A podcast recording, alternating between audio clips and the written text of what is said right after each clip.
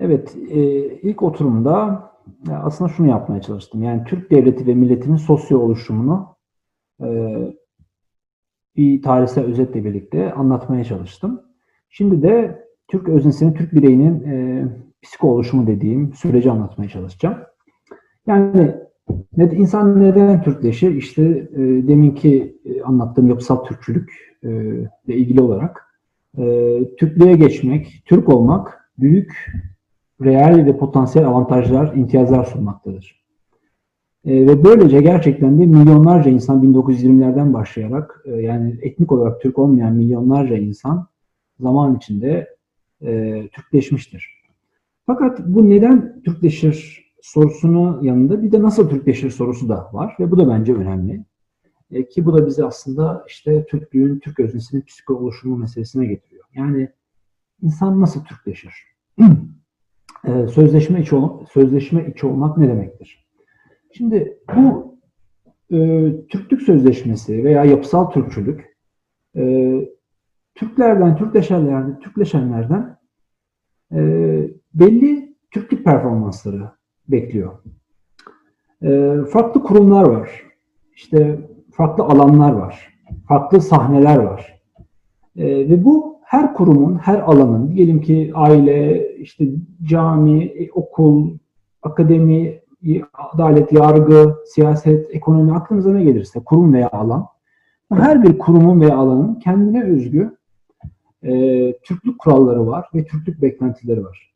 Ve bu kurumların ve bu alanların içinde büyüyen, sosyalleşen veya iş bulan, işinde yükselmek isteyen, kariyer yapmak isteyen, kariyerinde yükselmek isteyen insanlar bu farklı kurumların ve alanların Türklük kurallarını ve Türklük beklentilerini e, neredeyse insiyaki bir şekilde, doğal bir şekilde hissederek, sezerek e, ve öğrenerek bunları içselleştirirler. E, bu Türklük kurallarını ve belli şekillerde duygulanmayı, düşünmeyi, bilgilenmeyi, görmeyi, duymayı öğrenirler. Ve belli duygu, düşünce ve eylem hatları izlerler. Kendi bulundukları alanlarda e, ve kurumlarda. E, yani mesela yargı düşünün. Yargıda bir, ha, bir hakim, bir hakimden ne beklenir yargıda? Dürüst olması beklenir. E, ve cesur olması beklenir. E, etki, altında, etki altında kalmaması beklenir. Fakat aynı zamanda da bir Türk olarak karar vermesi beklenir. Aynı şekilde bir gazeteciden de cesur olması beklenir, dürüst olması beklenir, araştırmacı olması beklenir ama aynı zamanda da bir Türk olarak haber yapması beklenir. Ee, şimdi bu dolayısıyla bu farklı alanlarda, kurumlardaki Türklük kuralları bir neredeyse bir oyun bilgisi olarak oyun bilgisi olarak bunun içindeki oyuncular tarafından öğrenilir ve bu yatırım alanlarında yani hepsi bir yatırım alanları sonuçta bunların. Bu Türklük şemaları, Türklük hatları birer sermaye işleri görür. Fakat e, bu Türklük Sözleşmesi'nin yani Türklük kurallarının ilginç ve bence önemli bir yönü buna sürekli aktif olarak katılmak katılmanın gerek olmamasıdır. Yani sürekli Türklüğü övmeniz, Türklüğü yüceltmeniz gerekmez. Bunu yapanlar da vardır tabii ki. E, fakat e, Türklük Sözleşmesi'nin beklediği aslında daha alttan alta giden, daha örtük olan e, Türklük halleridir, Türklük biçimleridir, Türk, Türklük belki de performanslarıdır. Ki ben bunlara negatif performanslar diyorum. Yani Türklük belli şekillerde görmek, belli biçimlerde duygulanmak, ilgilenmek olduğu kadar e, aynı zamanda görmemek, duymamak, düşünmemek, ilgilenmemek, ilgilenmemek ve bilmemektedir. Bilme, bil, bilmemektir. Yani benim Türklüğün negatif halleri dediğim şeyler bunlara tekabül ediyor. Yani ve bunlara e, ben bir anlamda sözleşmeye e, pasif katılım diyorum ve bu negatif haller aslında Türklük sözü yani bu yapmama halleri Türklük Sözleşmesi'ne katılımın e, zımni işaretlerini, örtük işaretlerini oluştururlar. Şimdi tabii bu nasıl oluyor? Yani bu bilmeme, görmeme nasıl oluyor?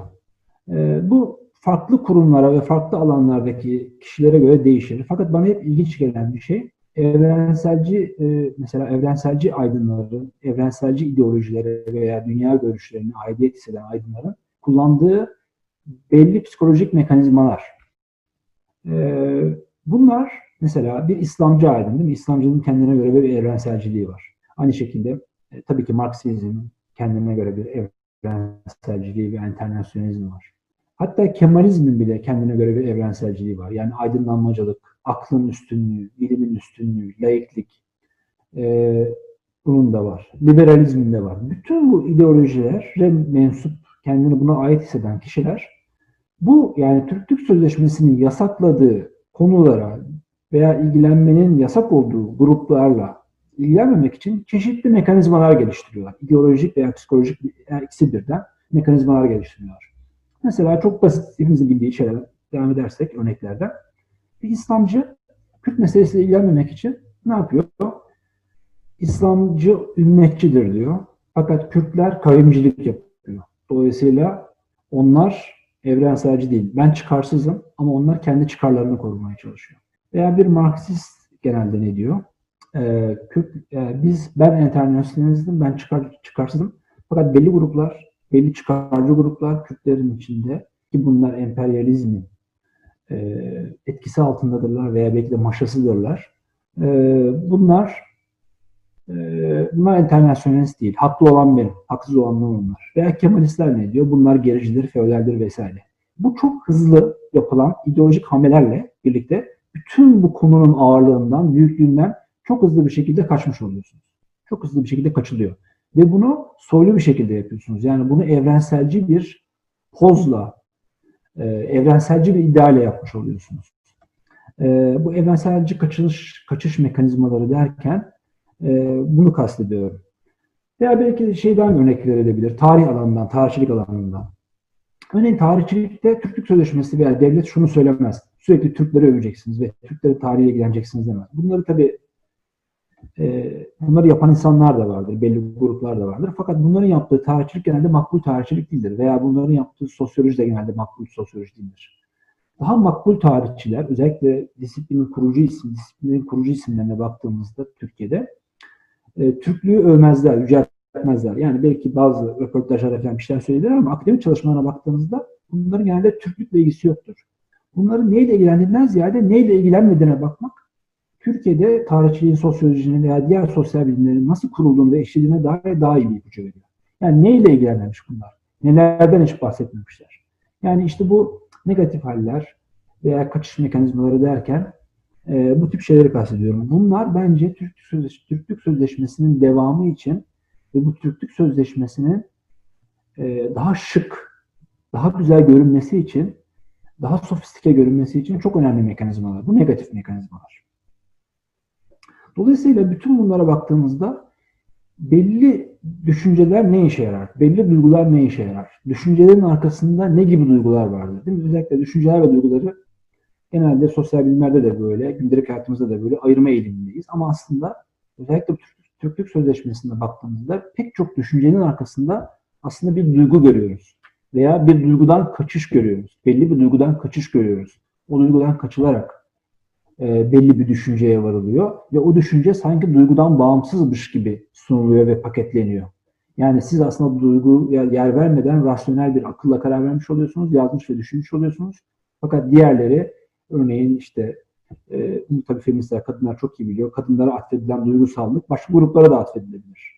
Yani daha ezil, farklı ezilen gruplara ve alttaki gruplara da atfedilebilir. Yani rasyonel bir akılla duygusal bir akıl arasındaki fark. Ama tabii ki bu çerçevede baktığımızda bunun epey tartışmalı olduğunu, bu ayrımın epey tartışmalı olduğunu e, görebiliyoruz. Şimdi dolayısıyla bu sözleşme içindeki insanlar bu tip mekanizmalarla Türkleşiyorlar. Ama burada önemli bir şey bu mekanizmaların, bu hatların, bu stratejilerin çoğu zaman bilinç dışı yöntemlerle yani bilinç dışı bir şekilde sergilenmesidir. Bunlar kişi bunu e, Türklük yapayım, Türklüğü yücelteyim, böylece kariyerimde yükselirim diye yapmaz. Bu zaten artık onun karakteri haline gelmiştir. Neredeyse karakteri haline gelmiştir. Sözleşme içi olan kişilerin. Fakat bir de Türkiye'de sözleşme dışı insanlar var. Bunlar bir kere tabii ki az sayıları az da olsa hala var olan belki yani 100 bin civarında, 150 bin civarında olan gayrimüslimler. Gayrimüslim şeyini kullanıyorum çünkü sözleşmenin bu tarihselliği anlamak açısından gayrimüslim ifadesi olan biteni aslında iyi anlatan bir ifade olduğu için ve hala anlattığı için bence bunu en azından belli tarihsel anlatılarda, anlatılarda kullanmaya devam etmeliyiz diye düşünüyorum. gayrimüslimler var ve tabii ki sözleşmeye e, direnmiş, sözleşmenin içine girmeyi reddetmiş e, büyük bir nüfus olan Kürtler var veya Kürtlerin önemli bir bölümü var diyebiliriz. Şimdi bu iki grup sözleşme dışı. Fakat sözleşme dışı olmak her gün sözleşmenin hakim olduğu kurumlara, alanlara, sahnelere girilmediği anlamına gelmiyor. Yani dolayısıyla şöyle bir şey, ben su metaforunu kullanıyorum. Aslında Türklük bir su. Ve Türkler suyun içindeki balık gibi, suyun içinde yaşıyorlar. Ve bu suyun çoğu zaman farkında değiller suyun içindeki balık gibi. Suyun ağırlığını hissetmiyorlar. Fakat sözleşme dışı kişiler, gruplar bu suyun farkındalar. Çünkü her gün suyun içine gelip suyun dışına çıkıyorlar. Nasıl denize giderken bir herhangi bir yerde insan bakar değil mi? Derin mi? İşte kaya var mı? Deniz kestanesi var mı? İşte köpek balığı falan bilmem ne var mı? Bunları düşünürsünüz ve suya girerseniz fakat suda hiçbir zaman evdeki gibi rahat olmazsınız. Hep bir sevseniz, hoşlansanız bile bazı şeylerden bir süre sonra çıkmak istersiniz. Çıkılması gerekir. Çıkılır. Ve çıkıldığında da işte daha rahat kendinizi hissedersiniz. Şimdi bu sözleşme dışı ve içi olmak arasındaki fark böyle bir şey. Yani bugün gündelik hayatta Türkiye'de milyonlarca sözleşme dışı, dışı kişi her gün sözleşme içine yani sözleşmenin hakim olduğu kurumlara, alanlara, sahnelere giriyorlar. Ve burada kendilerini gizlemek zorunda kalıyorlar. Kendilerini gizlemek derken belki kıyafetlerini gizliyorlar, dillerini gizliyorlar veya kısık sesle konuşuyorlar. Ee, düşüncelerini kesinlikle gizliyorlar, duygularını gizliyorlar bu sahnelerde. Ve dolayısıyla ikili bir hayat yaşıyorlar. İkili bir hayat. Yani bir anlamda sözleşmenin içindeki bir hayatları var. Bir de sözleşmenin dışında mesela evlerine döndüklerinde veya kendi adalarına döndükleri, döndüklerinde sürdürdükleri başka bir hayat. Dolayısıyla bu bu farklılık yani sözleşme dışı olmak dolayısıyla doğal olarak sözleşmenin içinde kendi düşüncelerini ve duygularını söylemek çok riskli olduğu için bu hayati bir tehlike sunabileceği için veya işinden atıl, işinizden atılabileceğiniz için veya siz atılmasanız bile çocuğunuz atılabileceği yani çocuğunuz işe alınmayacağı için sözleşme dışı insanlarda tarihsel bir ürkeklik, siliklik yaratıyor. Ee, bu hani bunu ben söylüyorum tabii bu, bu ağır gelebilir e, belki duyanlara ama hani bunu gerçekten de sözleşme dışı insanların kendi anlatılarına baktığımızda da bunun böyle olduğunu belki de bu terimlerle aynen bu terimlerle böyle olduğunu e, görebiliyoruz. Evet ikili hayatlar ve saklı hayatlar dedim. Şimdi bu tabii ki bir de aynı zamanda bu sözleşme içi ve sözleşme dışı olan insanlar her gün sayısız şekilde karşı karşıya geliyorlar. Bir şekilde, bir çeşitli şekillerde. Ve bu bir etkileşim düzeni yaratıyor. Yani bu Irving Goffman'ın bir kavramı var, Interac Interaction Order diye. Ben bunu biraz e, genişlettim. Ee, biz bunu görmeyebiliriz çıplak gözle. Yani ne olacak işte iki insan karşılaştı. Fakat bu etkileşim düzeni yani sözleşme dışı olan insanın sözleşme dışında olmasının bilinciyle hareket etmesi, sözleşme içiyle karşılaştığı anda bu her zaman orada mevcut. Biz çıplak gözle görmesek bile bu her zaman orada mevcut. Sözleşme içi insan devletin kendi devleti olduğunu bilinciyle yetişiyor ve davranıyor. Ve bu belki sözlerine, duygularına, düşüncelerine yansıdığı kadar bedenine de yani bedenini kullanma biçimine de yansıyor. Aynı şekilde devletin aslında kendi devleti olmadığı, milletin aslında kendi milleti olmadığı düşüncesi ve duygusu da diğer tarafta bir belli duygular ve belli beden ve e, ruh halleri yaratıyor. İşte interaction olur yani etkileşim düzeni aslında bu şekilde gerçekleşiyor. Etkileşimler bu şekilde gerçekleşiyor ama dediğim gibi bu çıplak gözle görülen e, bir şey olmayabilir. Bunları görmek için e, başka açılardan bakmayı e, bilmek veya bunları öğrenmek gerekiyor. Şimdi tabii bütün bu süreç e, bir ideal tip aslında. Bütün bu anlattığım şey hem tarihsel hem de gündelik anlamdaki Türklük, Türklük söylemesi bir ideal tip diyebiliriz buna. E, bu değişiyor, sürekli değişiyor. Özellikle son 30 yılda benim Türklük krizi dediğim bir süreç yaşıyoruz.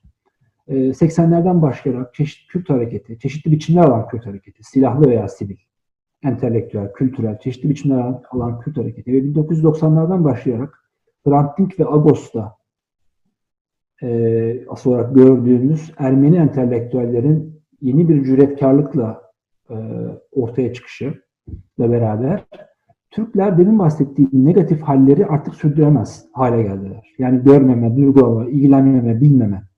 Bu büyük bir e, giderek yoğunlaşan, giderek artan, güçlenen bir Türklük krizi yarattı. Yani tarih sizin bildiğiniz gibi değil. Az, az, çok, az çok bu söylendi e, Türklere. Bu aşağıdan gelen bir dinamikti. Bir de yukarıdan tabii o yıllarda özellikle 2000'lerde AKP'nin e, Kemalist resmi ideolojiyi yıkması, Kemalist veya Atatürkçü veya o devleti yıkması ve yerine kendi devletini kurmaya çalışması çabalarıyla paralel olarak biliyorsunuz büyük bir e, işte çeşitli açılımlar ortaya çıktı ve bu açılımlardan bir tanesi de Kürt, bir tanesi de Ermeni açılımıydı ve, ve, ve televizyonlarda bugünkü hiçbir şey izlenmeyen veya duyulmayan televizyonlarda o günlerde çok radikal düşünceler çok açık ve çok rahat bir şekilde söylenebiliyordu. Dolayısıyla bu hem yukarıdan hem de aşağıdan gelen bir dinamikle bir Türklük krizi ortaya çıktı. Ve bu negatif haller sürdürülememeye başladı. Bu şimdi herkes etkiledi. Tabii bu 80'lerden beri başlayan şeyler. Devleti de etkiledi. Devlet işte Kürt realitesini tanımak zorunda kaldı. Çeşitli siyasi partiler çeşitli açılımlar yaptılar. Sadece AKP yapmadı.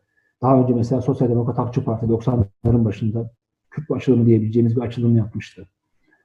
Ee, e, kişiler düzeyinde tabii ki farklı tepkiler ortaya çıktı. Bazıları daha da katılaştı ve ulusalcılaştı. Daha da sağcılaştı. Ama bazı insanlar da e, ki tabii ki doğal olarak çoğu, büyük çoğunluğu solcular arasından çıkıyor. E, kendi benliklerini, e, kendi duygu ve düşünce dünyalarını sorgulamaya başladılar ve bunu büyük bir radikal bir dönüşüm izledi. E, mesela bu bunu kitapta şöyle anlatıyorum. Yani 1970'lerde İsmail Beşikçi bir kişiyken yani akademide e, bu tip yani sözleşmeyi delen, sözleşmeye uymayan bir kişiyken işte 2010'lu yıllarda 16'da e, Barış için Akademisyenler vakasında gördüğünüz üzere bu sayı binlere vardı. Herkes tabii ki İsmail Beşikçi kadar radikal bir dönüşümden geçmedi onu söylemiyorum ama e, bu 70'lerden 2010'lara gelen genelde bir büyük bir değişimin parçasıdır. Yani bir kişiden iki binlerce kişiye varmak. Çünkü imzacılar, bu bildirim imzacıları Türklük Sözleşmesi'nin katılaştırıldığı bir anda bunu söylediler ve yani tabii ki bu, belki bu kadar cezalandırılacaklarını bilmiyorlardı ama bunun bir bedeli olacağını da çoğu imzacı biliyordu. Zaten ikinci imzacıların da e, en az birinci imzacılara kadar çok olması metne imza atanların bunu gösteriyor. Çünkü birinci imzadan sonra Tayyip Erdoğan'dan Sedat Peker'e kadar birçok tehdit açıklaması gelmişti zaten. Ve bunun üzerine ikinci imzacılar geldi. Dolayısıyla sözleşmeyi yani e, Ahmet Arendt'in bahsettiği bir şey var veya Sokrates'ten devam ederek. Yani kendinle yaşayabilmek.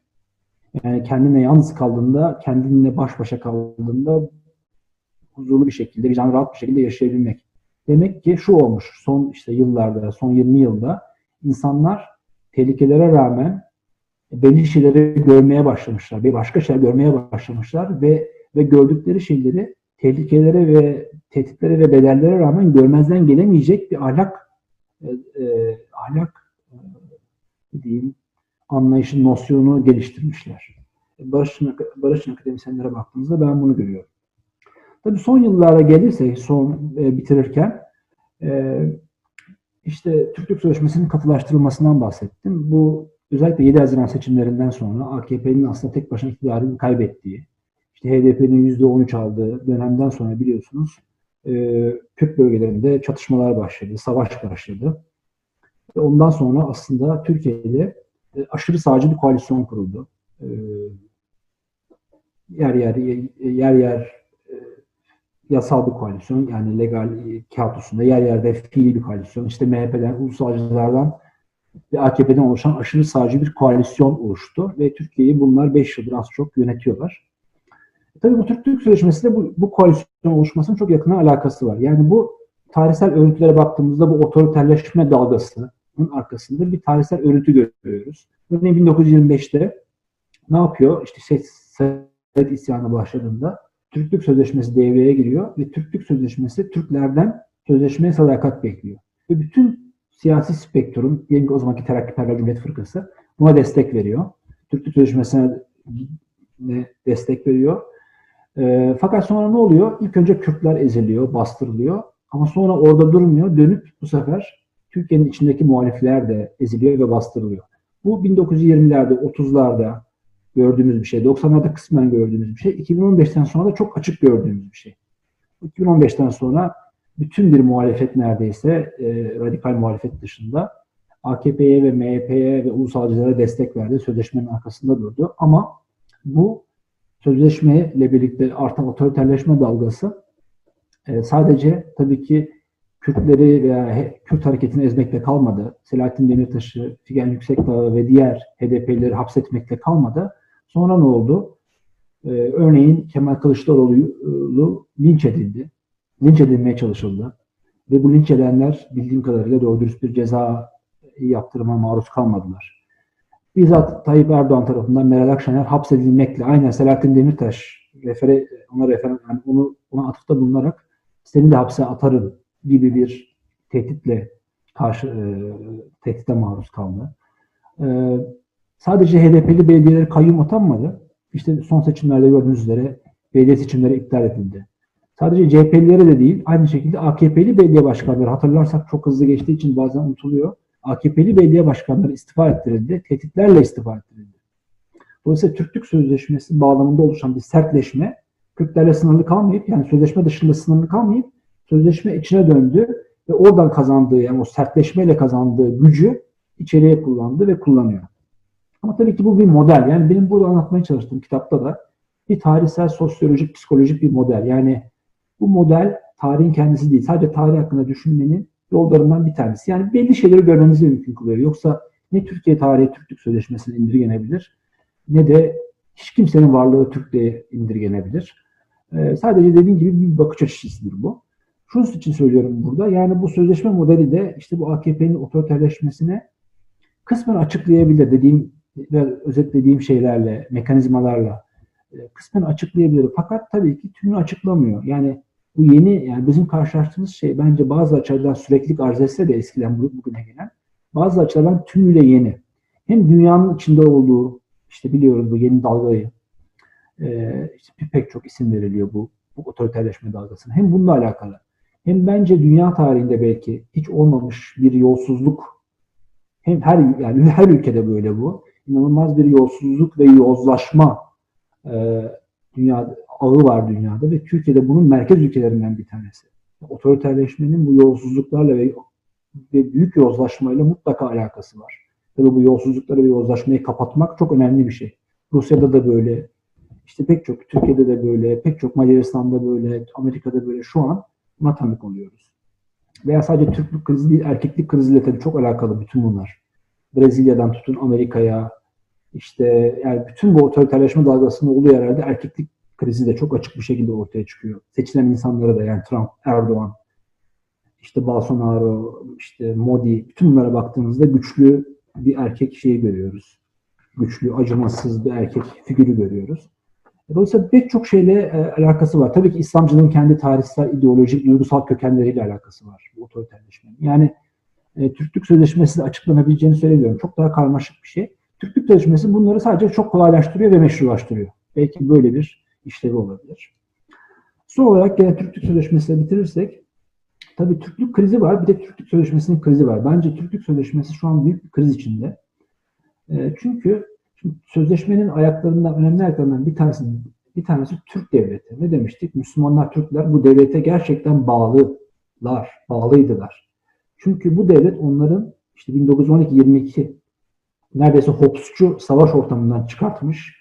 Yeni bir devlet kurulmuş. O devlet dünyada sayılan saygı değer bir devlet olmuş. O devlet bir sürü kurum oluşturmuş. Ve Türklük Sözleşmesi'ne uyulduğu ölçüde o kurumlar içinde, Türkler için söylüyorum sadece, o kurumlar içinde kendine saygıyı sürdürerek, karakterine, kendine, mesleğine saygıyı sürdürerek yükselebilmişsiniz o kurumlarda. Böyle bir avantaj sunmuş, böyle bir mekanizma sunmuş Türklük Sözleşmesi. Yani Mustafa Kemal'in, İsmet İnönü'nün ve diğerlerinin büyük başarısı bence bu. Yani sözleşme, sözleşme bağlamında düşünürsek. İşte AKP bu devleti, bu kurumları, bu kurumsal e, ağı, kurumsal aklı bütünüyle çökertmiş durumda. Ve şu an karşımızda e, popülist deniyor, bak, başka şeyler söyleniyor ama bence daha ziyade mafyatik bir devlet var. Dolayısıyla e, bu yükselme, yani kendine saygıyı sürdürerek, e, kendine saygıyı sürdürerek, mesleğine saygıyı sürdürerek yükselebileceği mekanizmalar kalmamış. Dolayısıyla şu anki rejim aynı zamanda bir karakter rejimi. Yani kimler yükselebiliyor baktığımızda çok net bir şekilde belli bir belli bir tipoloji görüyoruz. İster medyaya bakalım, ister siyasete, ister bürokrasiye nereye bakarsak bakalım. Dolayısıyla ne oluyor yani devletin çöküşüyle birlikte Türklerin önemli bir bölümü yükselmekten yükselemiyorlar belli alanlarda veya kendi karakterlerini, mesleklerine saygıyı koruyarak yükselemiyorlar. Yani bu çok önemli iş, kişilerin kendine saygı, saygıyı sürdürebilmesi, saygın insanlar olabilmesi. İşte Türklük Sözleşmesi bu yüzden büyük bir kriz içinde ve Türkler belki de hiç olmadığı kadar şu an bölünmüş ve kamplaşmış durumda. Bu nedenle. Yani ben şöyle görüyorum sözcü gibi yayın organlarını bu, bu bağlamda. Bu bölünmeyi kapatmak istiyorlar. Bu bölünmenin aslında ortadan kalkmasını istiyorlar. Ee, iki grup arasındaki ve gene Türklük bağlamında tabii bunu yapmaya çalışıyorlar. Çünkü bir tehlike seziyorlar muhtemelen öyle, öyle bakılırsa.